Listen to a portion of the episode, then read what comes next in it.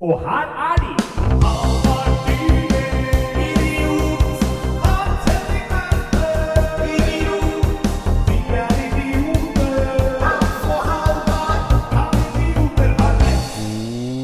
Søndag til Ikke god søndag, det er ingen Nei, som det er hører ikke det. søndag. Det er, det er søndag Det er, ti- det er fem over halv ti søndag kveld nå, Ja, når vi sitter her. det er jo søndag, det, på mange måter. Ja, Hvis du snakker til meg, så er det god søndag. Hvis du Ja. snakker til lytterne våre, så er det mest sannsynlig god tirsdag. Ja, men nå snakka jeg tenkte jeg snakka til deg, jeg nå. At, Nei, eh, Begynn å ro. Ro, ro, ro Nei, ja. din båt. God torsdag til eh, deg som hører på. Dette er Kan er rett? Så du får Siam et chandelier hvert øyeblikk. Nei, velkommen tilbake til studio. Takk. Nå snakker du til meg. Nå er det til deg, ja. For det lytter, jeg ser ingen lyttere i dette studioet her. Nei. Med mindre du er lytter. Jeg er jo både gestalter og lytter nå, føler jeg. For at Ja. jeg, jeg har på meg et sånt headset, og inni det yeah. headsetet så er både stemmen min og stemmen din, og til og med jingeren, er der. Så du hører ut når jeg sier at vi er live. Så er vi på en måte live for oss selv. ja for meg er det jo live, det Ja. der. Dette er jo Norges eneste live podkast. Den eneste podkasten som spilles inn samtidig som du hører på den, helt uavhengig av når du hører på. Ja, vi liker å behandle dere som livelyttere.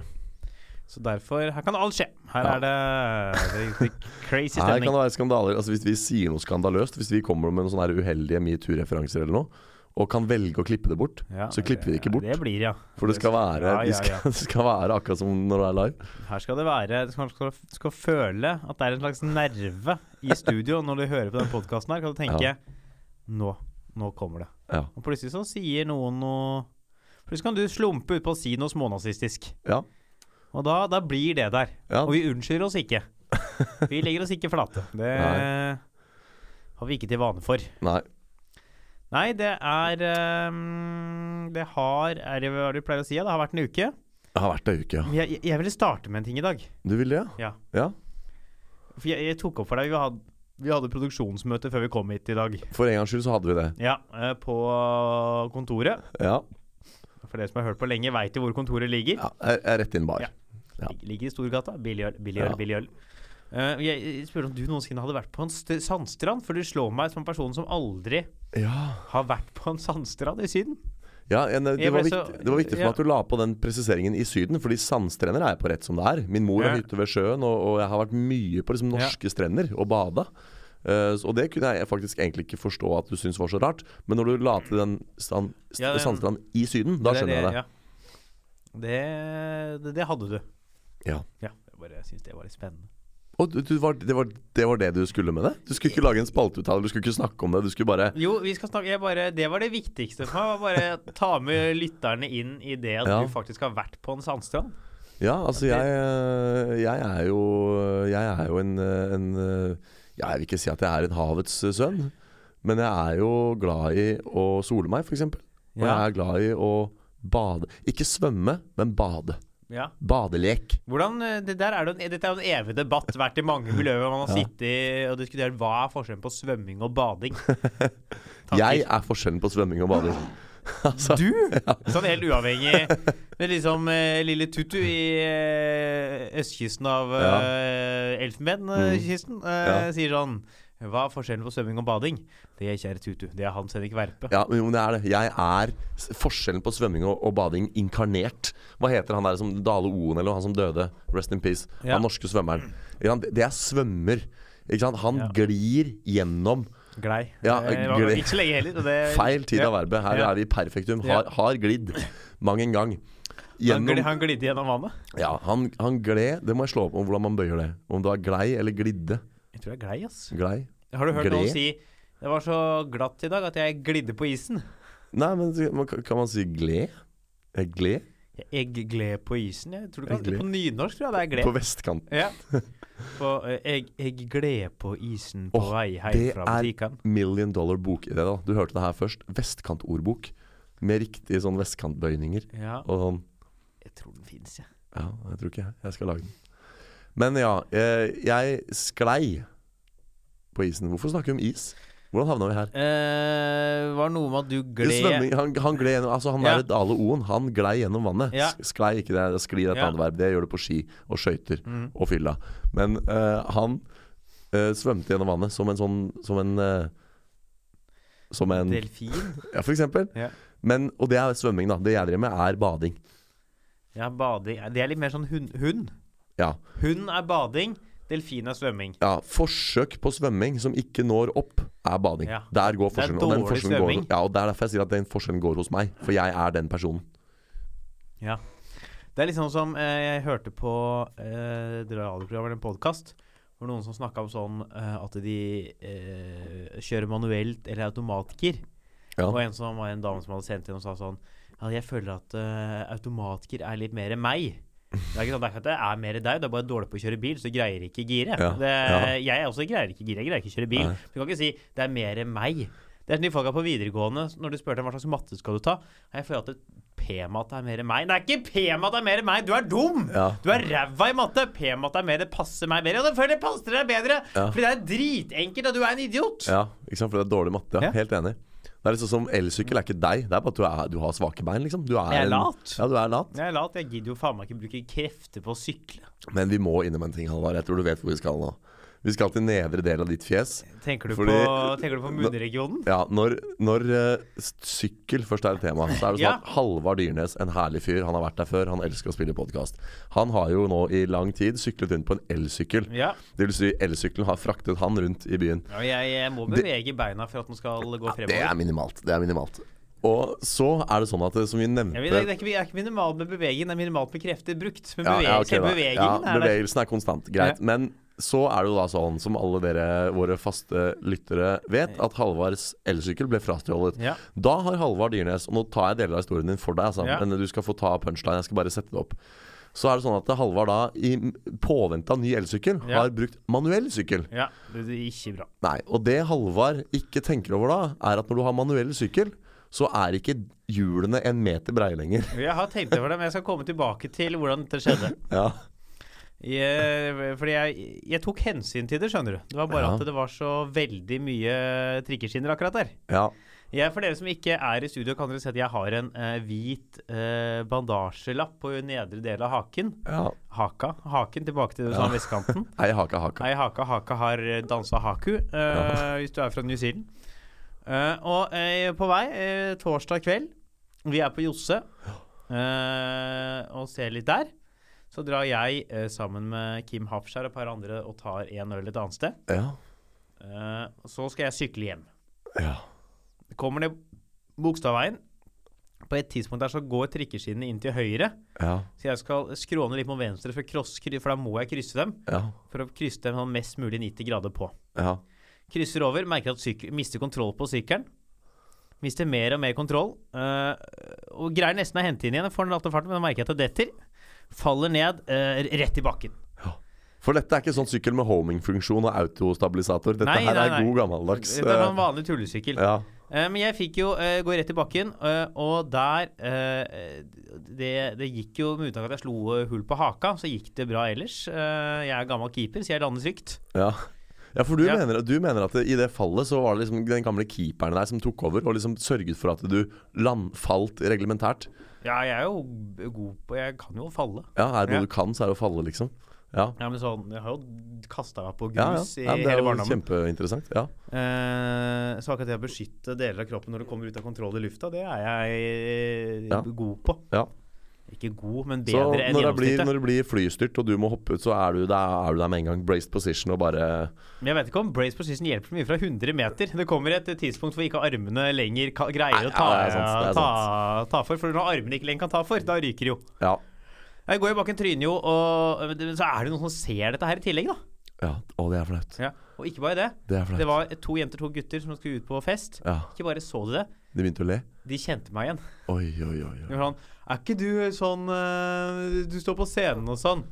Sånn, Dette orker jeg ikke Dette Ja, da, det er jeg viktig, viktig presisering. Kjente deg en fra reklamefilm for finn.no, eller kjente deg en fra standup? på Jeg er på impro. Ja. sånn Har du på deg klær nå? Ja. Og det var jo Så da eh, ble det fra haka. Sykkelhjulet ble jo snudd 180 grader, så den har jeg, den har jeg låst et sted i byen. Den må jeg hente her en dag. ja. Jeg tror ikke noen stjeler en ødelagt sykkel. Nei. For jo. nå har du fått ny elsykkel, ikke sant? Ja, jeg fikk den Så du trenger for- egentlig ikke å gå og hente den gamle. Nei, jeg fikk den i forgårs. Ja. Uh, nei, så da måtte jeg på legevakta. Her har jeg et spørsmål. Måtte du på legevakta? Ja. Eller måtte du på legevakta? Skjønner du hva jeg mener? Er det sånn, kunne du gått hjem og tatt litt Pyresept og satt på et plaster? For det, den, det, jeg, jeg merker meg at du kaller det bandasje, men det er et plaster, Halvard. Nei, det er det er jeg trodde òg, men dette Ja. her heter bandasje. Ja, okay. de ok. smågreiene Det er fint. Kall det hva du vil. Men jeg jeg spør igjen. Måtte du på legevakta? Ikke for å ikke dø, men uh, hvis man ikke syr inn sånne ting, så blir det stygt. Ja, ja ok, da. Så det er Og- du har sydd, ja? Jeg har sydd Ja, da, ok, greit. Da måtte du på Ellers så blir jo sånne ting blir jo betent Ja. og verker og sånn hvis du ikke Ja, I eh, rest my fikser case. det ordentlig. Hvis det er Ja, sting inne i bildet, så støtter jeg Det deg. er eh, fem sting bortover her. Det var en turnus. Jeg satt jo, kom på legevakta klokka to. Ja. Dro fra legevakta halv seks oh, på natta. For det tar jo så lang tid på den legevakta. Ja. Jeg kommer sånn Hei, hva skal jeg hjelpe deg med? Sånn, det ser du. Ja. Det håper jeg vi alle skjønner. At vi er innforstått Ja. med det blødde jo fra haka. ja. Eh, Så får jeg en liten, fikk jeg en sånn bomullsdott og noe teip på. Ja. Og eh, Sett deg innpå her, og så roper de deg på etternavnet, er det din tur. ja.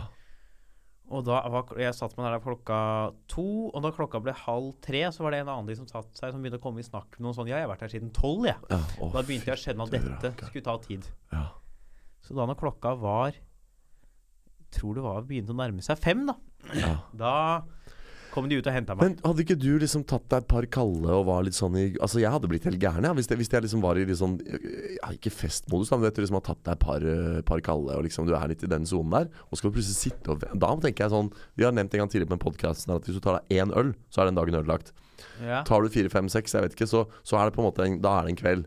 Men i et tilfelle her så tenker jeg da må du enten fortsette å drikke eller gå og legge deg.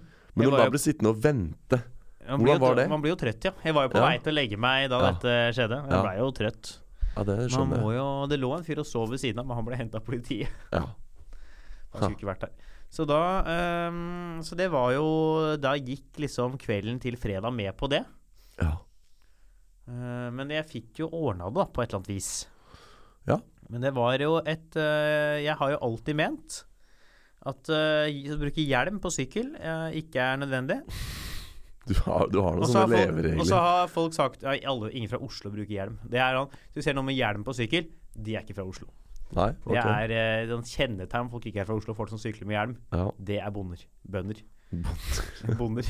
Ja. uh, uh, fordi jeg sa sammen, så har folk sagt sånn som ikke er fra Oslo Men hva om du faller på sykkel? ja. Jeg har falt på sykkel nå. Jeg har falt på sykkel før òg. Mm. Trengte jeg den hjelmen? Nei! Nei, for du, du kjørte haketriks istedenfor. Du stakk haka fram Ja, ja. og brukte haka som støttemper Det er, for eh, bedre, ja. det er bedre å eh, ta haka enn hodeskallen. Det er jo gammelt uh, indianeruttrykk. ja. Nei, så konklusjonen er egentlig at uh, hvis man har vært gammel keeper, så trenger man ikke uh, hjelm, for da kan du bare bruke fallteknikk. Å, ja. Men hva, hvorfor, det der med strand og svømming, hvorfor var det tema igjen? Var vi ferdig med det, eller? Var Ja, det, ferdig. Var bare, vi satt på kontoret i sted, Ja. så kom jeg på at du slår meg som en fyr som aldri har vært på en strand i Syden. Ja. Så det var bare det, ja. Ja. Du fikk den tanken der da? Det var bare sånn karakterting. Ja. Jeg skjønner. Jeg hadde følt meg litt dum som på en måte nevnte det igjen, og dro opp ja. det temaet når vi egentlig var ferdig med det. Jeg bare trodde kanskje du hadde en liksom overordna tanke med at det var sånn Nei. Nei, nei. Så det har jo vært en dramatisk inngang til helga, da. Det har det jo vært. Ehm, ellers så har det vært mye annet som har skjedd denne uka her. Ja, nå er det søndag. Da har det vært mange dager eh, å ta av. Ja, eh, jeg var på Røret på onsdag. Ja. Du var og så på. Dro hjem. Ja, jeg gjorde det. Ja. Jeg var sliten. Det, Eh, Var du trøtt? jeg var litt trøtt, og så var det jo opp i Otta dagen etter og ha skolegang hele torsdag. Ja, ja, ja. Og eh, ja. Har du gjort noe show denne uka her? Du, jeg har ikke gjort noen show denne uka her. Jeg har eh, Og jeg skal ikke gjøre show på lenge heller. Jeg, har uh, noe booka ett show i hele oktober så langt, så jeg må uppe, uppe det? det litt. Det er et eh, kjøpesenter på Lindeberg, tror jeg. Det Ja. skal jeg komme tilbake til når det nærmer seg. For vi har noen faste lyttere på, Lindeberg? ja, på den. Uh, på forrige gang var det jo det andre T-banestoppet på østkanten. Det Hva ja, du gjør? Du tar sånn der eh, Hans Henrik Verpe, døs til Østkant T-banetor. Ja. Brynsenteret om eh, to uker. Ja, nei, så, men det, det skal vi komme tilbake til. Og uh, ja. Men nei, nå må jeg tenke, nå må jeg se litt på uka mi for å finne ut hva jeg har gjort. Kan ikke du si litt hva du har gjort? Jeg har jo øh, egentlig, skal jo egentlig gjøre fire show denne uka her. ja, Fem show skal jeg Ja, stemmer. Og du har gjort noen av dem, da. Jeg har gjort noe jeg droppa i går, for jeg orka ikke. Nei. Jeg skulle på det andre teater og spille Fight Night. Ja. Men jeg, å, jeg orker Jeg gikk rundt med den bandasjen og var så sliten eh, etter å ikke ha sovet natt til fredag. ja. at jeg var heller hjemme. Syns så var armen min, høyrearmen min var ganske dårlig i går. For den hadde jeg landa på. Ja, ja, ja, så jo den var med på det. Jeg trodde den skulle bli skikkelig dårlig, for den begynte å bli dårlig i går. Ja, Men i dag så er den nesten helt bra igjen. Så da er ikke Det det noe problem. nei. Det er typisk at sånne ting kommer litt etterpå, så blir det bare verre. Men Ja. I dag så er det, er det bare litt vondt i muskelen, og det er ikke noe farlig. Ja. Men så var det mandag var jo begge vi Jeg var jo på Storyslam-greiene. ja, stemmer, Fortalte stemmer. fortellinger. Ja. En uh, rørende fortelling. Om uh, vennskap og Ja. flukten fra barnehagen. Ja. Ja, ja. Ja, det gikk jo bra, det. Ja, vi kom oss gjennom. Ja, Du er jo allergisk mot komplimenter. Du vil jo ikke høre at ting har gått bra. Så jeg, jeg husker jeg prøvde å gå bort til dette showet og si at det var bra. Og at jeg syns du fortjente en høyere poengsum. Men da var du bare helt sånn eh, Ja, nei, nei. Det handler ikke om å gjøre det bra. Det handler om å gjøre det bedre. Ja, jeg, ja, hvis det er folk jeg kjenner godt, så er jeg litt sånn Hvis det er folk jeg ikke kjenner, så gidder jeg ikke snakke om det. Nei, Men, du kjenner jo eh, meg. Ja, så da Ja. kan jeg jo si sånn Jeg kan vel snakke om det. Ja. Eh, hva man, hva man synes om ting. Hvis det kommer Ja. frem og sier sånn, ja takk. Jeg svarer i hvert fall ikke ja, det stemmer. Som visse det Nei. andre vi kjenner. Ja. Eh, ja, nei, men det var jo moro, det. ja eh, blei jo, det blei jo sittende der og drikke til langt på natt. Ja. Eh, du dro. Ja, Jeg dro Ja. da også. Jeg er blitt eh, gammel. Det blir sånn drager. Du er fylt 30, og nå er du blitt sånn fyr som drar. Jeg er ferdig med livet. Jeg er Ja. over 30, så nå er det bare slutt på alt som heter moro. Nei, men det er jo, det er jo litt det der at jeg har eh, betydelig lengre reiseavstand enn deg, da. Og at jeg liksom Ja, eh, tar, tar skolen litt seriøst. Eh, Ja. Så Jeg også øh, er på skolen. Ja, nettopp. Ja, og fy faen, vi holder på med greier da. Nå kom jeg på hvorfor jeg ikke kom på hvorfor jeg ikke har gjort hva jeg har gjort denne uka her. Det er fordi jeg har ikke gjort noe. Jeg har vært publikum på to show, Ja. og så har jeg jo ikke hatt noe show sjøl. Men jeg var på en fest med deg på fredag, ja. og så var jeg i en bursdag i går. Ja, det vi kan ikke snakke om den bursdagen. For det har Jo. jo vært eh, eh, hele Kokke-Norges Og hele Standup Norges, Ja. eh, og hele Radio Rocks. Eh, eh, Halvor Johansson, har blitt 30. 30 år. Ja, han er nøyaktig liksom halvannen måned uh, yngre enn meg. Ja. Så, så jeg har jo vært 30 nå noen eh, uker, og han blei det i går. Og hadde da invitert på fest på Kafé Amsterdam. Og her var det, Jeg var ikke der, men du var der, og det var jo mange komikere der. Ja. Det pleier jo å gå ganske hardt for seg når det er samla mange komikere på ett sted hvor det er alkoholservering. ja. Hvordan gikk det? Nei, jeg må skuffe deg igjen, altså. Selv om det ikke, selv om det ikke Hadde handler dette om her vært Standup Bergen, ja. så hadde øh, ingen der fått kommet inn på Kafé Amsterdam igjen. Nei, altså det, det som eh, var, at det var en veldig hyggelig fest, selvfølgelig. Og det var jo mye I tillegg til masse komikere, så var det jo også venner og familie Ja. og kollegaer av Halvor. Ehm, så, så det var jo ikke bare sånne her, eh, eh, bransjegreier. Eh, men så tror jeg altså Amsterdam stengte liksom en halvtime før Oslo generelt. For jeg tror liksom halv tre så fikk alle beskjed om å gå. Og da er det jo fremdeles skjenk en halvtime til, og konsum en hel time til på de fleste andre Ja, steder. og noen steder kan du jo sitte til halv fire. Ja, så mange, mange dro videre. Uh, jeg dro da, kan du gjette hvor jeg dro? Rett inn. Jeg dro hjem. Oh, ja. Så, så um, ja. Nei, men det var, en, det var en hyggelig fest. Jeg må skuffe deg med at jeg ikke har liksom de store historiene. Det var noen som kasta opp under bordet, eller Nei, det var en som gikk på trynet, som snubla i min frakk, faktisk. I din Da har Ja. du fått deg eh, så lang frakk? Nei, jeg tar bare 2% selvkritikk. Jeg hadde hengt frakken min, som man gjør, på, på skulder... Altså på Ja. i stolen jeg satt på, Ja. så hang frakk og skjerf over Var uh, dette stolryggen. blottefrakken? Eh, Eller den svarte? Nei, det er den svarte som jeg har på meg i dag. Ja. Og så var det en eller annen fyr, for jeg satt liksom på enden av bordet. Uh, så jeg var en av de man måtte forbi for å komme Mm. ut i liksom det generelle lokalet. Så var det en da som klarte å snuble i min frakk og gikk på trynet innpå der. da Uh, Så jeg fikk litt dårlig samvittighet, men samtidig hadde jo ikke jeg gjort noe galt. Nei, skal, man skal jo se etter ting, skal man ikke det? Ja, jo, man skal det. Når jeg setter Så- føttene mine et sted, Ja. så tenker jeg at da har jeg et visst ansvar et visst ansvar. for ja. hva den foten stiller seg på. Ja. Er det kaktus? Er det trikkeskinne? Er det solid underlag? Er det frakk? Ja. Er det frakk, er, det frakk, er det gulv? Viktige ting å ta stilling til. ja, absolutt. absolutt Fan, jeg har en pille som ikke har kommet helt ned. Som er her. Akkurat. Du driver og blir pillemisbruker siden sist, da? Jeg tar jo sånne allergimedisiner Oh, ja. i ny og ne. Du er, du er en pillebruker? det er ganske sjeldent jeg husker det. Men jeg tok Ja. i dag, og så glemte jeg å drikke vann etter jeg hadde tatt den. Ja, riktig. da ble jeg liksom halvveis oppløst og hengende fast i spiserøret. Så jeg holdt på med den i sånn fire timer nå. Der kan du se. Drikk, drikk mer vann. Ja. Ja, nei, så jeg var nå der, da. Det var hyggelig, hyggelig å vinke farvel til uh, Halvors 20 år. Jeg Ja. feira jo ikke min egen 30-årsdag, så jeg vurderer sånn å smugfeire meg sjøl litt på den Det festen. var nå, litt, det var litt deg selv òg. Jeg tenkte at det liksom nå, siden, siden det er en 30-årsdag, Og det var, ganske mange jevnaldrende folk der òg, naturlig nok. Så, så Du kjøpte deg en liten øl for egen del? eh, ja. Ja. Så det var, det var hyggelig, det, altså. Men ellers så, så har jeg ikke gjort så mye. Altså, jeg har ikke trent engang, for jeg har begynt å få litt sånn belastningsskade i høyre Ja, bein. Ja, det så jeg, det var jo, vi var jo på festen sammen på fredag. Ja, Så satt jo jeg i hjørnet der med sånn bandasje over uh, ja det var reine sykestua. Ja, det ja, var det jeg sa. Det, det blir jo sånn podkast fra sykestua. Jeg sitter der med sånn trynet er sydd igjen. Ja. Og du så ut som du hadde vrikka ankelen. Så var det uh, bare Er det bare overtrening, eller er det, Det er så var det overtrening. Det er uh, rett og slett uh, et symptom på at altså, Eller overtrening overtrening. Ofte så er jo, er jo det at du trener for mye bare grunnlaget, og så er det et, et, noe som skjer ut ifra det. Dette er jo mest sannsynlig en eller annen belastningsskade uh, som kommer pga. at jeg har trent for mye. Men er det, eh, når man sier, er det bare overtrening, eller er overtrening et problem? Altså som man sier, det er, å, det er ikke ankeren, det er bare overtrening. Sånn som man sier, det er ikke kreft, det er bare en forkjølelse. Og sånn, ja. Ja. Ja. Da er det bare overtrening, ja. Ja. det, er ikke noe, nei, nei, det er ikke noe alvorlig greier. Det er ikke noe som er kommet for å bli, eller noe jeg ikke kan det er gå ikke at en muskel har revna, re, Nei, nei, altså, av. Og, jeg, jeg går ikke til legen. Jeg har jo, sånn som deg, så har jeg mange prinsipper jeg lever etter. Og et av de prinsippene er at jeg går ikke til lege hvis jeg har vondt et sted. Nei. Eh, så jeg venter jo bare til det går over. Og også derfor det var viktig for meg å kartlegge om du virkelig måtte på legevakta, eller hva det er Ja. for noe. Fordi uh, man trenger ikke være pingle heller, liksom. Så, så jeg går ikke til legen. Eh, hvis ikke Det, er det her er sånn logikk jeg ikke skjønner. Det handler ikke om å være pingle. Det handler om sånn uh, et ønske om å leve sunnere Jo, men med jeg har hel jo, kropp jeg, lenger. har jo jeg, sant, jeg klarer å tenke sjøl, har ikke hørt sangen 'Tenke sjæl'. Altså man må jo, Hvorfor skal man bli så jævla paranoid da, bare fordi man har litt vondt i beinet? Skal jeg, skal jeg gå ned på et eller annet jævla legekontor, trekke kølapp, bestille time, betale penger, sitte og vente, kansellere? Altså, du vet at Legene de jobber bare til fire, de òg. Så du, hvis du skal til legen, så må du ta fri fra jobb eller skole den dagen. Men nå, Det er helt snakker vi hårreisende. jo ikke spesifikt om din overtrenelse av eh, Men jeg ser, du har da først kunnet ha brekt beinet og vært sånn Jeg tar det med gaffa, jeg går ikke til legen. Ja, omtrent. omtrent. Jeg mener at det her må det ligge en nøye avveining bak. Altså I dette tilfellet her så mener jeg det er helt åpenbart at det ville kostet både samfunnet og meg og alle andre altfor mye om jeg skulle tatt opp en plass. Tenk deg legen, han sitter der med fulle lister og fulle venterom.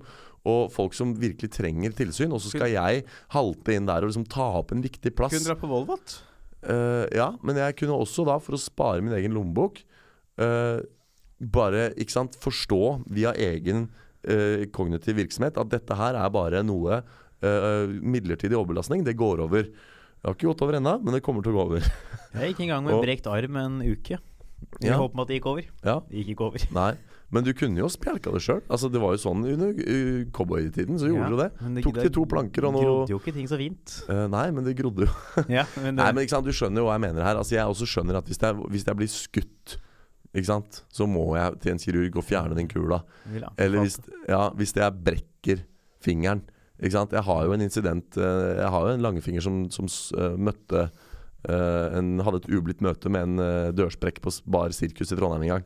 Og den er jo sydd. Ja. Så jeg også skjønner at man må til legen når du kommer over en viss terskel. Men når jeg nå har løpt sammenhengende seks dager i uka i mange måneder, og plutselig får litt vondt i beinet, så skjønner jeg at det er bare belastningsskade Ja, ja, nå- som går over. Ja. Ja. Jeg vet ikke, er det For det er bare beinet. Det så ut som det var ank. Nei, det er, det er muskulære smerter. Jeg kan Jeg, jeg, jeg, jeg sverger jeg, Hvor mye penger skal jeg satse på dette her? Jeg kan, jeg kan ved, gå, inngå veddemål på at jeg punkt én ikke kommer til å trenge noe medisinsk tilsyn, og punkt to på at dette her kommer til å gå over i løpet av maks en uke. Det, det er jo ikke noe argumentere Jeg har jo aldri snakka om overbelastningen din. Det var mer Nei. å diskutere påsagene at man aldri burde gå til lege. Jeg var litt mer interessert i å diskutere. Ikke aldri, men man Ja. bør, man bør eh, ikke gå så mye til lege. Ikke sant? Jeg, jeg vet ikke hvem fastlegen min er engang. Ikke sant? Jeg, har ikke, jeg, vet ikke, jeg har ikke møtt det mennesket. Har du aldri vært til fastlegen? Har vært, liksom, De gangene det har skjedd noe med meg som har vært veldig presserende, så har det vært utenfor. Og som sagt, de der fastlegene de jobber jo bare De har jo, det er jo helt høl i huet. De har jo ordinær arbeidstid. De jobber jo til fire. Så du kan jo ikke, du kan jo ikke gå til legen, fordi du har jo jobb eller skole til fire. Ikke sant? Ikke lag, legene burde jobba fra fire til åtte. Man drar jo gjerne så, til legen bare når man ikke kan jobbe, er ikke det? Har, jeg har aldri, Eh, aldri, aldri vært til legen Nei, ikke sant? Poenget er at når du skal til legen, når du har tannlegetime eller legetime, Ja. så må du ta fri fra jobb eller skole. Ja. Fordi de der legene jobber jo i normal arbeidstid, Ja. som jeg mener er helt feil. De burde sitte og forska eller annet fra åtte til fire, og så burde de jobba som lege fra fire til ni eller ti. Når, de har, når folk har tid til å gå til legen. Det å gå til lege mener jeg er en fritidsaktivitet. Jeg skal ikke ta av min arbeidstid. Nei, på å gå til legen. Du, har eh, en Du må gjerne ha legeerklæring for ikke eh, gå på jobben. da. Ja, og så må du egentlig ha legeerklæring for det. Er meta. Det er sånn der evig runddans. For du må ha legeerklæring for å gå til legen for å få legeerklæring. Fra en annen lege. Ja. Nå er det begynt å komme sånne legekonfrontasjoner Ikke legekonfrontasjoner, legekonsultasjoner via FaceTime. Ja, jeg, jeg, jeg støtter ikke Jeg Leger må gå av. De må slutte. Ja. ja. Det er Hilsen Hans Henrik Verpe, eh, d- d- som blir 40 år. Eh, Skal vi gå videre, eller? ja, vi må egentlig det. Jeg bare sitter på da jeg var hos legen forrige gang. Ja. Eh, og det eh, Det husker jeg ikke. Nei. Han doper deg sikkert ned på et eller annet. Jeg tror det var i 2014 Ja. jeg var hos legen sist. Jeg har vært hos tannlegen noen ganger, da. Ja. For jeg har bytta ut noen fortenner. Ikke sant? Der kan du se. De må nesten byttes ut. Ja. For jeg gidder ikke være han fyren uten fortenner. Nei, så du har falske fortenner? Jeg har eh, Nå har jeg det. Den var Tidligere så var vel Nei, den ene er vel pålimt. Hmm. Den andre er uh, plastikk av noe slag, ja. Jaggu. Jeg husker aldri hvilken som er hvilken. Nei. Men det er en av er limt på, den andre er bytta ut. Fordi de falt ut, eller? Her er det en historie. De knakk Jaggu. på folkehøyskole. Jeg har kanskje ikke fortalt deg det. Nei. Rekker vi det nå? Vi har holdt på i 25 minutter. Vi tar det neste uke, vi. Ja. Uh, skal vi videre? Skal vi Ja. kjapt Vi har egentlig verste opplevelsesspalten. Vi har brukt så mye tid, vi nå. ja, vi har brukt 25 min, så jeg tror Ja. vi skal nesten vurdere å bare hoppe over. Jeg tror over bare vi må hoppe over den i dag, Ja. ja. så får vi komme oss videre til Ukesaktuell. Ja. Der skal vi diskutere José Mourinho, Ja. Uh, hvorvidt han får sparken i United. ja. Eh, vil hans, du skal diskutere det, jeg skal sitte og være sånn morsom sidekick på sida her. Nei, jeg tenker jeg skal legge fram faktaene, og så skal du komme med en eh, vurdering her. Ja. tenker jeg. Ja. Ja, det er litt mer interessant. Ja. Eh, og så er det jo da eh, Til slutt her må vi ta opp eh, om det blir regjeringsskifte i Norge etter at KrF har hatt sitt eh, ekstraordinære landsmøte fredag 2. november. Yes. Skal det avholdes? Det er en stund fram i tid, men det er jo oppe i media nå. Eh, Knut Arild Hareide kom med en bok denne uken hvor han skrev litt om sine politiske tanker den siste tiden. Og Mhm. det skal da drøftes eh, jo nå i media, og det skal tas opp Mhm. et eventuelt skifte av retning for KrF 2.11. Så det skal vi snakke om videre. Mm. Da er det bare å komme seg videre i programmet, er det ikke det? Jo. Jeppeba! Faen, eh, det vil vi se. Jeppeba! Kan idioter ha rett? Det er min eh, mening om situasjonen i United akkurat nå. Eh, den Ja. lyden der. Ja vel. Hvorfor det? Jeg har jo ikke peiling på Nei, dette er jo eh, vi- Nå tror jeg vi er inne på det du kan minst om. Ja, herregud. Det er, eh, det er mye jeg ikke kan her i livet, ass, men fotball er jo bare sånn vakuum av kunnskap. Jeg i tror du har mitt, sett eh, Jeg tror du kan eh, mindre om fotball enn antall legetimer du har hatt. eh, Ja. For det er eh, eh, Mitt lag United har jo eh, ikke har Men jo da sett snakker vi om Manchester United, ikke sant? ja, Det er bare ett United. Det er ikke United States of United, eller liksom Det er ikke noe Det er ikke Leeds eller Westham Nei. uh, eller Newcastle, det er United, ja. Ja. Manchester United. Uh, det har jo gått så dårlig i år. Å, det er så kjedelig å se på! Det er totalt ræva. Mm. Det virker som det er splidninger mellom Pogba, Mourinho, Marcial Mourinho, spillergruppa ellers og Mourinho. St staben i United skal angivelig ha sittet på toget hjem fra den der begredelige Western-kampen. Det er noe av det jævligste jeg har sett siden Hva er en dårlig film, da? Uh, En dårlig film? Ja. Uh, Nei, ikke begynn. Jeg klarer ikke å hoste opp noe på Taken 2. Den har jeg sett. eh, noe jævlig å se siden Taken 2. ja. Og, og de diskuterte etter den kampen om de trodde Mourinho fikk sparken. Han er i hardt vær. Han har jo alltid omtrent uh, slutta etter sin tredje sesong i en klubb. Men dette er jo første gangen han ikke vinner noe, altså. Omtrent med en klubb. Hvorfor, hvorfor har du et favorittfotballag som er så dårlig? Eh, det første så er det jo eh, ofte sett på som en positiv eh, ting at favorittlaget til folk er dårlig. For det betyr at de holder mer med dem. Men Ja. de var jo ikke så dårlige før. Og så begynner man jo bare å holde med et lag. Ja, ikke sant? Det Men jeg, det var- her lurer jeg på en ting. En sånn Ja. grunnpremiss for, Ja. for så videre samtale og diskurs. Når man er fra f.eks. The City of Manchester, Ja. så skjønner jeg at man heier på Manchester, fordi man har en, en kulturell og geolog, altså geografisk tilknytning til stedet. Man er patriot, man er født der, man holder med Manchester. når man er fra Norge For det første, jeg skjønner ikke hvorfor man, man følger med på engelsk fotball i det hele tatt. Men hvis jeg kan gå med på premisset om at ok, engelsk fotball er liksom den interessante fotballen, så skjønner jeg at man kan følge med på. Men hvorfor ha et lag? Hvorfor heie? For du har ikke noe tilknytning til Manchester, eller har du det? Uh, nei, dette kan jeg jo forklare. Ja, det er, da er jeg spent. Ja. Eh, det første, det, det, det, dette med den der engelske fotballen er veldig sånn også et norsk fenomen. da Vært Ja. siden sånn 70-, 80-, 60-, 70-, 80-tallet. Mm. NRK har jo hatt Tippekampen og sånn, så det har jo alltid vært vist engelsk fotball i Norge. Mm. Så uh, det laget man eh, begynner å holde Man begynner bare å holde med lag plutselig uten at man helt vet hvorfor. Ja. Mange får en drakt da de er liten, og så hver, plutselig så ender man opp med å holde med det laget. Så er det noen da som er stuck med Exchester og må leve et helt jævlig liv. Og så er det andre som får holde med et uh, godt lag. Exchester, er det et ordspill for noe, eller er det Nei, det er bare et lag langt nede i divisjonen. Ja. Det høres ut som sånn ex-Manchester, liksom. Nei, nei, jeg hadde en tidligere keepertrener som holdt med Exchester. Ja. Uh, så man er jo den fotballen man vokser opp med. Ja. Og nå da vokser opp uh, og ser gjerne mer eh, Jeg vokste opp med å se engelsk fotball, ikke med å se norsk fotball. Ja, ikke sant. Eh, For det er jo det som har gått på TV-en. Og da begynner man bare å holde med de lagene. Det har alltid vært tette tilknytninger mellom Mm. Norge Men hva er det som gjør at du faller for Jeg skjønner hvis du fikk en fotballskjorte, men da var det bare en far eller en mor der i utgangspunktet som holdt med det laget og ga deg den skjorta. Hva er det som gjør at en fyr fra Oslo øst finner tilknytning til en bestemt engelsk by? Nei, Man bare begynner å holde med et lag. Det bare er sånn som skjer. Veldig rart. Det må jo også sikkert være profilene. Og altså sånn, David Beckham er et navn jeg kan. Han har sikkert spilt på et av de lagene der. Og så kanskje du liker han, da. Og så Nei, men sånn som på 90-tallet og 2000-tallet var, det veldig- var det jo også veldig tette bånd mellom Norge og England. For det var så mange nordmenn Ja. i Premier League. Ja, akkurat. Så det var veldig mange nordmenn som spilte for topplagene Men det er ikke i helt ute, Premier det, League. det, la- det argumentet mitt med at det er store navn og sånn. Det er jo ikke helt ute. Det må jo være litt det òg, sikkert. Ja, De store navnene kommer gjerne med at klubbene er store, og da er de mer eksponert. Og så begynner man å holde Jo, men på når, det. når jeg, Hvis jeg som ikke har noe penger på fotball, skal velge meg et fotballag, så er det ikke utenkelig at de fotballagene som har kjente navn, vekker interessen min mer enn de som ikke har det. Men det, kan, men nå, det er jo veldig Men nå snakker du om det å velge et lag. Ja, Man velger jo ikke lag aktivt. Nei, ok. Det er men jo bare sånn at man vokser opp, og så plutselig holder man med et lag. Ja, Så da tar man et valg Nei, man tar ganske et valg. aktivt. Det er ikke et valg man tar, det bare blir sånn. gjennom valgtagning. Nei, nei, det, bare, det er sånn som uh, Har du vært forelska i noen noen gang? Ja. Det var jo ikke et aktivt valg. nei, nei, ok. Ja. Ok, ja, Da skjønner jeg litt hva du mener.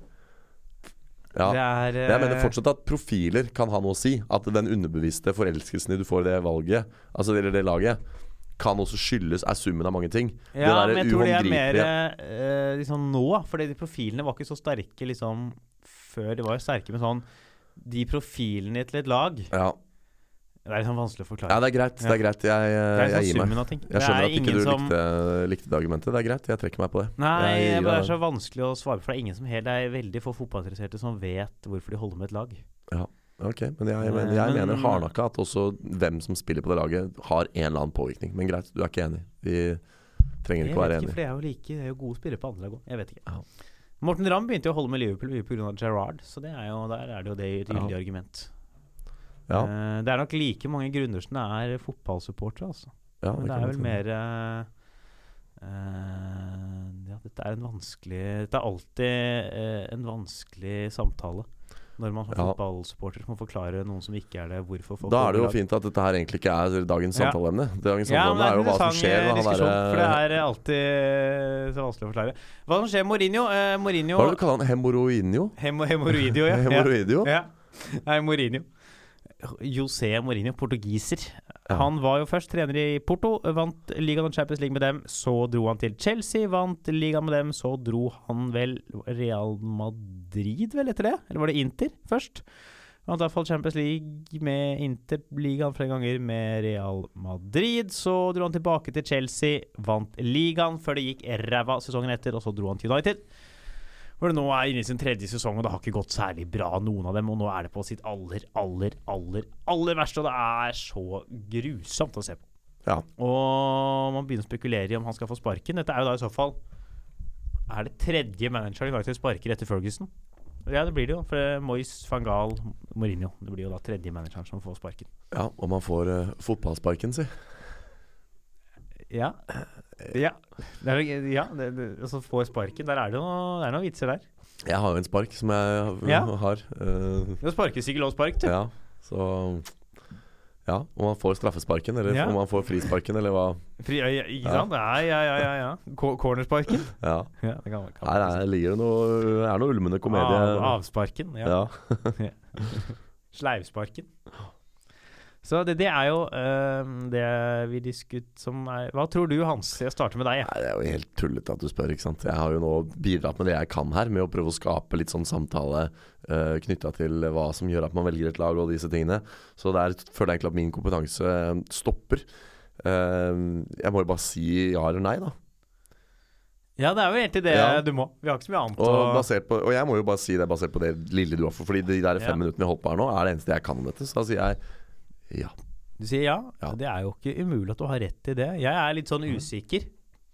Fordi eh, på den ene siden så er det jo det at eh, det er den uroen i klubben, og spørsmålet om man klarer å få dette på rett spol igjen med Mourinho. ja. Andre er det jo om klubben ønsker å sparke enda en trener nå midt i sesongen. Eh, Med fare for at det bare kan føre til at det går verre før man har eventuelt en framtidsplan klar. Jeg syns det er eh, litt vanskelig. Var det ikke et sånt internasjonalt fotballmesterskap nå nylig hvor det var en klubb som sparka treneren sin på vei til mesterskapet? Det var et landslag, i hvert fall. Det var eh, Ja. Spania. Ikke sant? De hadde liksom knapt nok bora flyet på vei til eh, Tyskland, de, før de sparka han derre Eller Eh, Russland, eller hvor det var. Ja, Russland. Ja, Ja. Det, han fikk jo Faen, det var ikke mange dagene. Han satt på flyet, han, og så måtte, altså fikk han sparken. Så måtte han fly hjem igjen dagen etter. Er det Det var nesten sånn. Ja, det var, var under en uke før, i hvert fall. Altså, han var kommet ut på banen på første kampen, og så var, fikk han beskjed. eh, ja, det var jo omtrent der. Så hvis det kan skje, så kan sikkert det der skje med han Ja, ja, eh, manager blir jo sparka hele tida. Ja. Uh, det er bare spørsmål om klubben ønsker det. Men det er uh, Syns det er vanskelig, altså. Men det, det spin, hvis det går dårlig nå mot Valencia og ikke tar seg opp igjen i ligaen, så tror jeg han er ferdig, ass. Ja, men da sier vi ja. Jeg skal gå for ja. Vi jeg går for tror ja. det? Ja. Vi må sette tidsfrist, da, siden vi har en podkast her hvor vi prøver å etterprøve våre egne svar. Så må vi nesten, uh, nesten sette en tidsfrist. I løpet av oktober, da. Ja. Uh, jeg sier innen to uker. Eller skal vi være så fre... For vi kommer til å ha sånn idiotenes år igjen i desember. Ja. Skal vi si liksom i løpet av året, eller er det for lenge? Ja, Det er for lenge, for hvis ikke han, hvis ikke han får sparken innen slutten av Så oktober, skjer det ikke så tror jeg han sitter ut sesongen. Ja, enig, enig. Fordi da har de i så fall rydda opp i Ja. det som er problemet nå. Mm. Så er det i så fall enten innen de neste to til tre ukene, Ja. eller så virker det litt sånn Kommer Klund i hvert fall ikke til å sparke han, for da kommer folk til å si hvorfor gjorde dere ikke det før? Så dere hadde bedre tid med nestemann inn mot et eventuelt januarvindu og sånn. Ja. Så jeg vil tippe Hvis vi skal si ja, da, så Ja. vil jeg si innen Det er 1. oktober når vi spiller inn i dag. Ja. Innen 8. oktober. Ja. 8.-9. oktober. Er- Maks 14. Ja. Uh, kanskje de trenger tid å betenke seg til neste helg. Ja. Inntil, inn, rundt, kanskje rundt ti dager, da, så man rekker neste ligakamp innen Ja. dette her. Ja. Eh, tror jeg det skjer inn. Ja, da sier vi det. Er, det, er den grei? Den er grei. Du støtter den? Ja. Da er det Knut Arild Hareide det, som skal på parketten Det er det. for sin uh, regjeringsdans. Ja. Kan idioter ha Rett prøvde jeg å få Hans til å si der, men han skulle ut på do, så da kjører vi videre. Jeg, du, kan jeg spørre deg om en ting, Hans? Ja, du kom fyr. inn i studio her. Ja. Det er fordi jeg bare lurer på det. Og så satt du ølen opp ned. Ja. Var det et bevisst valg? Eller Ja, altså i, liksom, i tråd med uh, tematikken bevisste valg, som har vært, uh, Ja. vært nevnt her tidligere. Og, så var dette absolutt definitivt et bevisst valg. Men jeg vil føye til at det, det var ikke slik at jeg kom inn i rommet med ambisjonen og målsetningen om å sette ølen opp ned. Men det var egentlig det jeg lurte på. Det var snarere sånn at idet jeg skulle sette ølen ned på bordet, Ja. så oppdaget jeg at den var opp ned i Ja. hånden min. Og til dere som hører på, dette er ikke et glass øl. Dette er en Ja. uåpnet boks ja. Det hadde vært mye gøyere om du hadde satt et glass øl opp Ja, ned. da hadde jeg nok tatt et aktivt valg Ja. om å ikke gjøre det. Ja. Så her var det sånn at jeg, jeg var liksom bare centimeter unna bordflaten før jeg så at oi, ølen er opp ned. Ja vel, da får den stå opp ned inntil jeg åpner den. Jeg valgte å forflytte, for jeg kommer nå til å få en byrde med å snu ølen Ja. tilbake igjen. Og da hadde jeg valget om å gjøre det der og da, eller jeg kan utsette det Mm. til jeg skal åpne den. Grunnen til at jeg lurte, skjønner du, er fordi jeg har observert uh, bl.a. pappa og andre jeg kjenner sette ølboksene opp ned i kjøleskapet. Ja. Og jeg har lurt på om det har vært en sånn greie som lønner seg pga. noe malt og sånt å gjøre det, som ikke jeg har fått med meg. Ja. Derfor skal jeg lure om du hadde oh, ja. noe Om du uh, ja, da er jeg mer spent på svaret til faren din. Ja, for jeg har bare aldri Aldri vært i, kommet på det når jeg har sett. For jeg har ikke vært i en samtale med folk når jeg har sett det. Nei, ikke sant? Men nå som du gjorde det, så tenkte jeg kanskje det var noe alle andre enn meg visste. At man Ja. burde sette øl opp ned. Nei, Og du er- derfor er- valgte å gjøre det. Jeg er helt sikker på at det må være noe overtro. Det fins jo sånne, sånne hveteølvarianter som skal ristes før du åpner dem og holdes opp Ja. ned, og som har en sånn kule inni seg og sånn. Der er det sikkert noen regler for det. Det er også sånn øl som koster 730 Ja. kroner for 03. Men, men for Tuborg, som er vakuumpakka på en grønn boks, så, så tror jeg ikke det har noe å si. Og jeg tror eh, Ja. Nei. Nei, det har nok Jeg vil jo tippe at du har rett. Ja. Eh, Det er sikkert overtro. Det er jo, det er jo noen av de også som eh, Som alltid snur. Jeg var ikke en av de da jeg røyka 20 om dagen i, i mange år. Så var det alltid mange som tok ut Når de åpna sigarettpakken, tok de ut én røyk, snudde den og satte den ned igjen feil vei. mm. Og det var alltid den siste røyken de røyka. Dette var jo sånn overtrofenomen. da Ja. Så det kan godt hende at det er de som setter ølen opp ned. Skriv inn til Kan av rett på Facebook hvis du vet svaret på Halvards uh, ølgåte. Ja, for jeg lurer på Hvis det faktisk er noe i det, så vil jeg gjerne vite det. For jeg har alltid sagt eh, ølen min eh, riktig vei. Jeg lurer på Ja. om jeg har gjort feil Men hva, hva da? Og nå skal jeg kjøre et visuelt eksperiment på deg, så nå må du forklare for seerne våre hva jeg gjør. Hva om du setter ølen din sånn?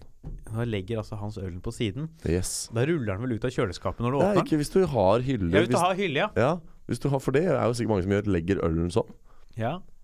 Da Er det da forskjell på om den ligger med åpningen ut mot døra, eller om den ligger med åpningen inn. Ja? Det må vel være null, null forskjell? ja. Skriv inn hvis du vet Ja. svaret. Dette er vi veldig, veldig nysgjerrige på. Jeg er jo jeg, Det er jo en vare jeg bryter meg mye av, så det er jo greit å vite litt om. Hvordan setter du ølen din? Det det er sånn VG pluss-artikkel. Dette sier ølsettingsvannet om deg. Slik plasserer du ølen sånn i kjøleskapet? Ti tegn på at du er forstyrra. Jeg må bare ta opp en VG pluss-artikkel her mens vi er i gang. Er det greit? Det er greit for meg. Jeg, jeg, jeg, jeg var jo testa ut nye tekster på prøverøret på onsdag, Ja. og en av de gjaldt jo testet litt på Jeg hadde lest eh, en VG pluss-artikkel for noen litt siden som jeg print-screenshotta. Mm. Print-screenshotta, det, er- det er feil. Ja. Uh, som var det sto hva kvinner tenner på. ja. Og dette er da bak VG Pluss. Tips for en menn hva kvinner vil tenne på. Ja, Så sto det ikke Halvard Dyrnes. Nei. Det sto uh, Det sto 'hold deg unna'! sto det. Nei. Eh, For eksempel som å se en attraktiv, velkledd potensiell partner med veltrent kropp, masse selvtillit, intelligens og klasse. Oi. Så jeg bare, jeg bare ramsa opp alle positive ting du kan ha. Det er Jonas Bergland, det. Ja, ja, men han mangler hår, vet du, Ja. så han ryker, han òg. Ja. Ja, for det er, det er bare liksom sånn hvis du, følger, hvis du skal finne Ja, jeg skjønner at hver av de der er attraktive de fasetter. alle. Du skulle ha alle Ja, sammen. ja, for det skjønner jeg at hver av de er attraktive fasetter i seg sjøl. Men hvis du skal finne en person som har alt det der, Ja. da er det typ sånn Jonas Bergland og tre til i Norge. Altså Ja, det er ikke mange Det er sånn, da- Da har det gått sånn bak VG pluss sånn Her, alle menn, hva skal til for å bli Så er det sånn Ja, det må jeg ta en utdannelse, Ja. begynne å trene Ja. og forandre utseende. ja. Ja. jeg må basically ta plastisk kirurgi. Ja. Gå seks år på høyere utdanning. Begynne å trene. Begynne å forandre kosthold. Ja. Ja. Bli morsom. dere. Bli, ja. til alle dere menn som uh, vurderer å skaffe dere VG pluss for å få dere uh, en partner Tinder pluss er mye rettere. Tinder pluss, eller Tinder Gold, er mye greier der. ja. En fyr som er ute og bruker den politiske Tinder Gold for tiden. ja.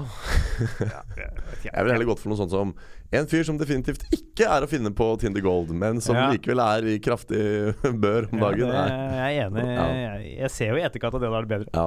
er jo Knut Arild Hareide, eh, Ja. som kan finne på å felle regjeringen for å gå inn i regjering med Var det da snakk om Arbeiderpartiet Ja. og Senterpartiet? ja. Det er jo Det er jo en veldig interessant tematikk. Ja, for nå har jo KrF, så lenge jeg vet om, tilhørt høyresiden. Ja. Men vi har jo tidligere sett at Senterpartiet har bytta side. Så Hvordan går det an å være i sentrum og bytte side? Er man ikke i sentrum hvis man er i sentrum? Jo, men du har jo I Norge så har vi på mange måter alltid hatt eh, to blokker. Mm. Fordi du skal jo danne en Stortinget, som er jo det vi velger, med 169 mandater. Ja. eh, skal jo stemme fram en regjering. Mm. Og en regjering vil jo da måtte ha et flertall i Stortinget. Og som regel vil jo partiene på høyresiden støtte eh, en I hvert fall hvis det trengs, da. Eh, ofte så har liksom Høyre eller Arbeiderpartiet kunnet greie det med få støttepartier.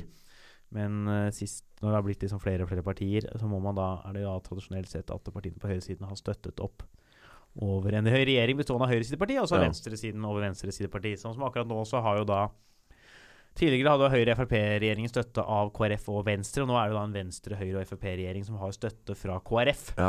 Mens da de resterende partiene, Rødt, Miljøpartiet De Grønne, SV, Arbeiderpartiet, Senterpartiet, vil jeg da heller støtte en annen side. Jeg får litt lyst Når jeg hører om denne sagaen her, så får jeg litt lyst til å bli sånn sentrumsekstremist.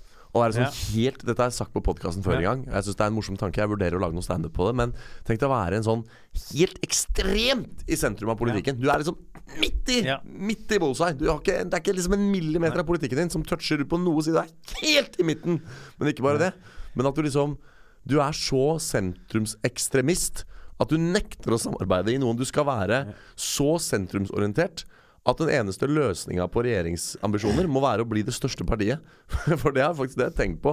Øh, Vi skal snakke om det, selvfølgelig. Men jeg har, jeg har tenkt jeg så For jeg satt jo live og så hele den talen til Knut Arild Hareide. Ja, Det har ikke jeg gjort, så Nei. her har jo du litt interessante ting å Ja, komme jeg har ikke så mye interessant å komme med, men jeg har en ting som er at jeg, Blant annet noe jeg tenkte, var at Fytt rakkeren for, et, liksom, for et uambisiøst parti dere er. Hvis hele problematikken deres er Skal vi samarbeide med høyresiden eller venstresiden, kan dere ikke heller prøve å bli største parti, da, og så samarbeide med ingen? Altså sånn Bare være samarbeid med dere sjøl og de andre sentrum, og danne en sentrumsregjering som er liksom KrF Enten KrF alene eller KrF og liksom et par andre sentrumspartier. Um, og det tenker jeg ville vært liksom det mest ambisiøse å gjøre. Og det er der den der tanken kommer inn om at liksom, å være liksom sentrumsekstremist. Da, hva det kunne innebåret. Jo, det vil innebære å være så, så stoka på sentrumspolitikken at du nekter å samarbeide med noen, liksom. Um, veldig moderat politiker Ja. som hater ulv. Ja. Ja. Ja, det er jo For å komme til det er nok KrF er jo ikke i nærheten av å bli store nok eh, til å kunne danne regjering alene. De hadde jo statsministeren på starten av 2000-tallet. ja han derre Kjell Magne. Kjell Magne Bondevik. Ja. Jeg er jo, eh, Sånn som jeg forsto saken, da, så er det at KrF eh, mener at deres politiske program vil komme mer fram og tilknytte seg venstresiden. Ja. Knytte seg til høyresiden. Mm. Og de er jo et kristent parti eh, som er for eh, likeverd Ja. og deling av godene, med mindre du er homofil eller eh, kvinne. Da skal du ikke få. Jeg, jeg vil jo føye til Ja. at det, det foreløpig er slik at det er Knut Arild Hareide som mener at tiden er moden for å diskutere et samarbeid med Arbeiderpartiet. Eh, det er jo ikke sånn at det, liksom, det er store krefter i KrF som sier at dette er det riktige veivalget. Det, faktum er jo nå at de skal diskutere det. Ja. Og jeg leste faktisk på vei hit i dag, ja, jeg har lest litt, at det var gjort noen målinger nå hvor det kom fram at liksom sånn over 70 uh, mener Og da var det to, det var to statistikker. Det var KrF-velgere med mening, og så var det folk generelt med mening. Og blant folk generelt med mening, da, så var det, mente folk uh, mente 70% at KrF hører til på høyresiden. Og blant KrF-velgere med mening, så mente så mye som over 80% at KrF hører hjemme på høyresiden. Ja. Så det er et veldig dristig move Knut Arild gjør her. Absolutt. Og det er definitivt ikke sånn at KrF mener at deres politikk ligger nærmere venstresiden. Det er jo det de skal diskutere nå på det der eh, Ja. møtet sitt. Så kan det jo også være at det å Et slags politisk spill for å få flere velgere. Hvis de gjetter på Det kan hende de gambler på, eller gjetter på at det er mange som potensielt kunne stemt KrF, Ja. vil la være å gjøre det Mm. fordi de ville da samarbeide med et parti som Frp. Mm. Uh, men kanskje ville det syntes vært lettere om de var litt moderate. Ja, den, den er ikke dum. Nå liker jeg det. Den, den Ja. er en fin tanke. For at det, jeg, jeg uh, vil gjerne få sitere min mor uh, på dette, dette Mm. temaet her. For min mor sa en gang det at eh, eh, hvis Jesus Kristus hadde levd i dag, så ville han stemt Arbeiderpartiet. Eh, jeg vil jo gjerne da føye til en del ting på den. Jeg tenker også at eh, En annen forutsetning der måtte vært at Jesus Kristus var norsk. Ja. At han levde i Norge og var norsk statsborger. Um, eh, det holder ikke at han liksom Hadde, levd i dag. hadde det ikke vært lett ryddig hvis det viste seg at Jesus faktisk fantes, Ja, og han levde i Norge? Kunne ikke Ja. han bare styrt? Ja, ikke sant? Så tenker jeg at Han måtte også vært politisk engasjert. Ja. Han måtte også funnet det for godt å stemme Ap fremfor å bare ta makta sjøl. Ja. det er veldig mange ting med denne, med denne sammenligningen som ikke henger helt på greip. Men hvis vi nå bare betrakter Jesus og de tingene han liksom var kjent for å gjøre, og de holdningene han hadde Gå på vannet, gjøre vann til vin. Typisk Arbeiderparti-ting. ja. Nei, men ikke sant? Så er det sånn at um, Jesus var jo La oss nå bare for et lite øyeblikk anta at Jesus eksisterte. Så var jo Jesus som er en, en veldig viktig person også for KrF-ere, han var jo en Ah, ah, ve- Veldig viktig person for, for KrF. ja, han, han var jo da, skal vi tro Skriften og, og ryktene, så var jo Jesus en veldig sånn nestekjærlig og medmenneskelig Ja. Med mindre du er homofil. Det er vi, vi, vi, vi, viktig, viktig punkt. Ja, men og, og da tenker jeg at den der, den der sayinga til mutter'n er, den er ikke helt ute. Fordi at han, øh, som medmenneske og nestekjærlig person, Mhm. så, så er jo den politikken som venstresida forfekter, den er jo veldig sånn inkluderende, og alle skal med, og liksom det er skatt og liksom i fellesskapet og hele den pakken der, da. Og jeg også må jo si at jeg ser for meg Jesus mer der enn på høyresida. Jeg ser Ja. ikke for meg Jesus stå og snakke om, om lavere tobakksavgifter og, og åpen, lenger åpent pol og liksom Han kunne gjøre vann til vin, Ja, så han trenger ikke polet, men Det, er veldig litt gøy å se for deg Jesus bare komme tilbake og sånn Jeg stemmer Frp. Ja. Da slipper jeg å gjøre vann til vin. Kan vi Ja. bare gå på polet istedenfor? ah, kan ikke disse samaritanerne fikse seg sjæl? Jeg orker ikke. Ja. Uh, nei, men ikke sant. Jeg, jeg, tror jo, jeg tror jo Jesus og venstresida på mange måter går hånd i hånd. Ja. Så, og det er jo mulig det de Derfor de ønsker det. Ja. De har jo alltid eh, vært på høyresiden. Og det er jo nå eh, veldig kort tid siden forrige stortingsvalg. ja. Eh, og det vil være en kjempestor om... Hva heter det? Veltning. Omveltning heter det. Men så er det også okay, Vi kan ta for oss forargumentet litt mer. Da, for nå har vi hatt det ene forargumentet vi har snakka om nå, om eh, at det kanskje de kristelige verdiene som KrF på mange måter fronter, ligger mer til venstresiden. Mm. Også det at de var vel nevnt i valgkampen eh, at de skulle ville ha en regjering uten Frp. Mm. Eh, at de gikk litt på valg for det. Eh, KrF. Og nå har de da muligheten til å skaffe venstresiden et flertall med å gå eh, for venstresiden og dermed fjerne Frp. Så det er jo også et argument for at de ønsker å opprettholde eh, den det valgløftet. Mm. Selv om valgløfter er jo til for å brytes. Ja, de er jo det.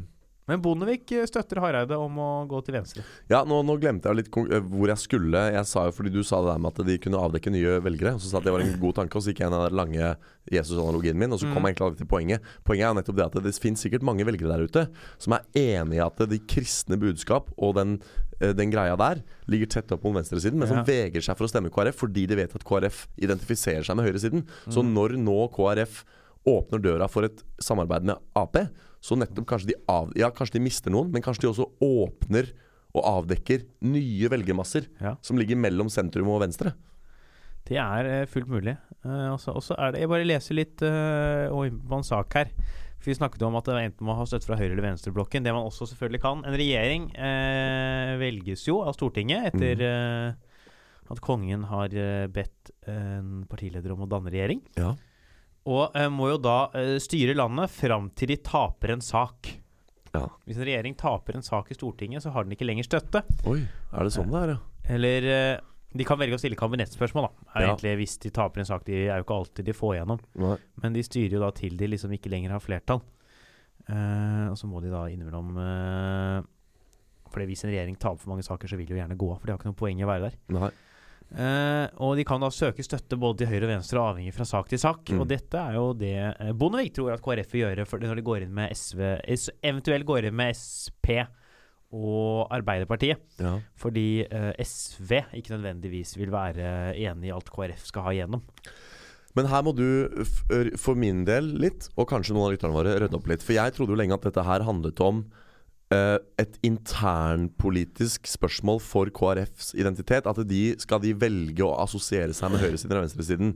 Og at det var det de skulle ta standpunkt på på det møtet i november. Men så forteller du meg at hvis KrF nå finner ut at de stemmer uh, Eller identifiserer seg med venstresiden, Ja. så blir det plutselig et regjeringsskifte. Ja. Hvorfor det? Fordi da har ikke nåværende regjeringen lenger flertall i Stortinget. Nei, nettopp.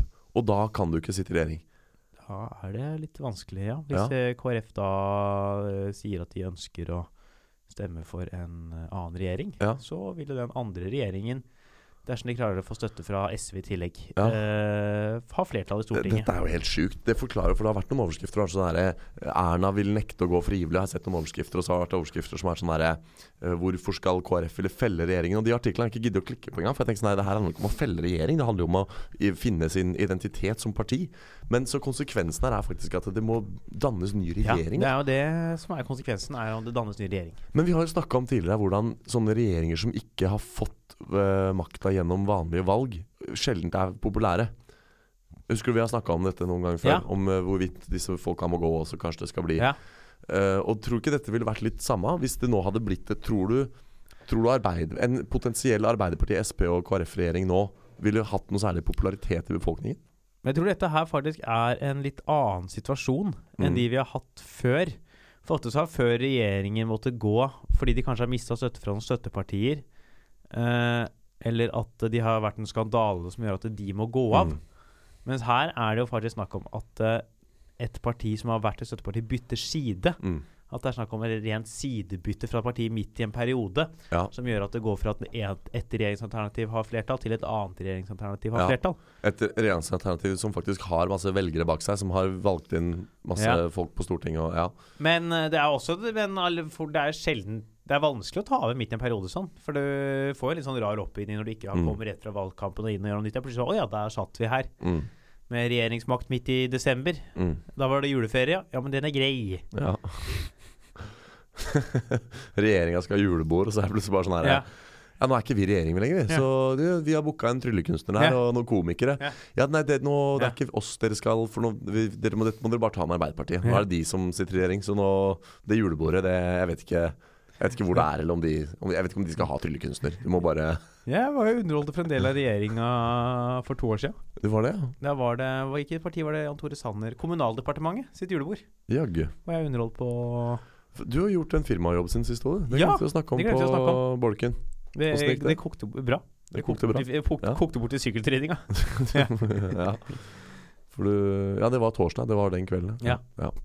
Vi kan snakke om det neste uke. Så det var, det var Eh, før du skada haka? Ja. ja. Det var før. Så det er Ja, dette, det er det som skjer hvis man kan få ny regjering. Eh, Det, det er skummelt, da, for du risikerer selvfølgelig at det er, det er vanskelig å ta ved midt i, som vi snakket om. Ja. Når vi snakker litt om at vi tror det kan skje, har vi noen argumenter mot her? Ja, altså vi lagde jo ganske tydelig bro over til den sida nå, da. Ved å Ja. snakke om baksidene ved å danne regjering midt i, i perioden. Det er nok Det er nok veldig Var det ikke sånn da, da hun der Lysthaug måtte gå? Var det ikke liksom noen som det var, det var et snakk om mistillitsforslag i en Ja. av de skandalene. Det var enten Sandberg eller Det var Listhaug. eh, Listhaug, ja. Og da var det også Ja. KrF som holdt på å felle regjeringen. Ja, og da var det det der store spørsmålet Er de villige til å gjøre noe som kan føre til en så drøy endring? Ikke sant? Og det også tror jeg blir litt spørsmålet nå. Er KrF De er jo tydeligvis re, altså Stortingets lille bråkmaker, da som tydeligvis er de som Ja. liksom stikker pinnen borti den Det er så sovende gøy at det er liksom de som skal være bråkemarkerne i regjeringa. Er ikke Knut Arild Hareide? Ja, De som liksom har andakt før hvert Ja. eh, partimøte, liksom. Ja. Det, for det er jo det de må stille seg, da. Hvis konsekvensen er et regjeringsskifte, så må de være ganske sikre på at det de kommer fram til, er noe de kan stå for Ja. på sikt. Det er nok også derfor de må ha dette her landsmøtet, hvor de skal må ta opp uh, nye saker. Nå har jeg aldri vært innad i politikken, så jeg vet ikke helt hvordan disse diskusjonene foregår. Nei. Men det må vel være mange i partiene som har meninger om det. Ja. Og hvis, som du sa, at det er gjort noen meningsmålinger om liksom, Mm. at det er så mange KrF-velgere, som 80 mener at de burde høre på Høyre sitt, det er rart Mm. om det skulle forandre seg på landsmøtet. Men på Ja. landsmøtet er det jo medlemmene, ikke bare velgerne som er med. Så det er jo en annen gruppe. Ja, De snakker jo også om det, at, eh, som jeg leser i artikkelen, at det er eh, lokalpolitisk vil det bli veldig vanskelig å finne motiverte kandidater.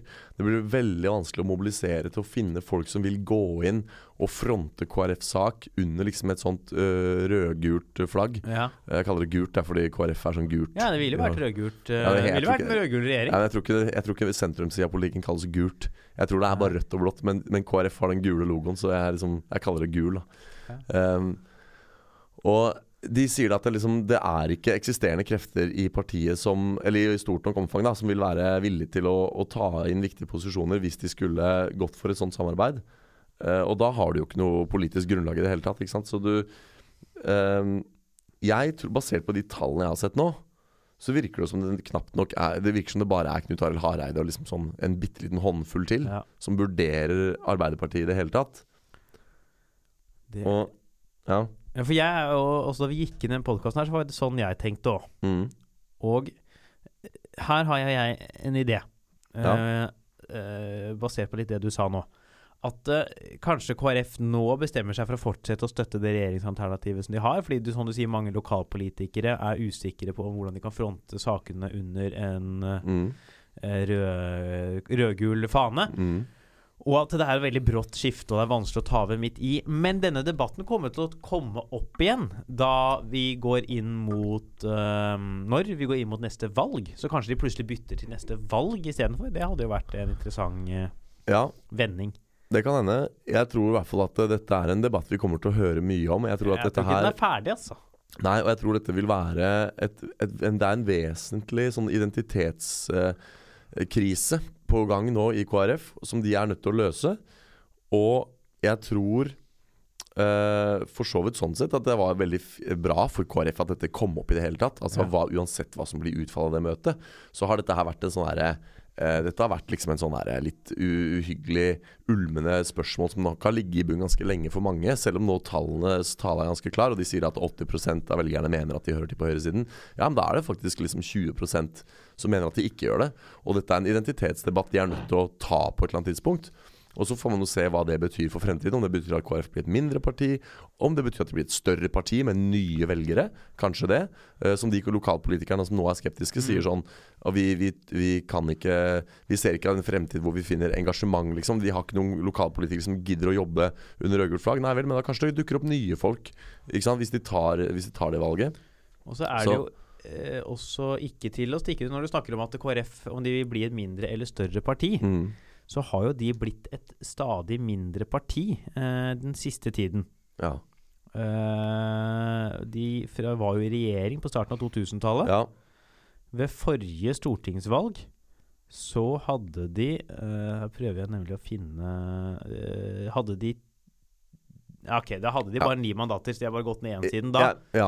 Men de har jo gått ned litt siden liksom tidlig to, så kanskje dette er et grep for å snu den Ja. trenden, da. Jeg, jeg mener jo det Jeg har en teori om at dette er et symptom på, uh, på liksom uh, lite tydelig politisk tilhørighet. Hvis du er et parti som Det er veldig trygt å være på midten. Det er veldig trygt å liksom ikke mene noe ekstremt til høyre og ikke mene noe ekstremt til venstre. Det er veldig trygt å sitte på midten og si at vi er litt enige med alle.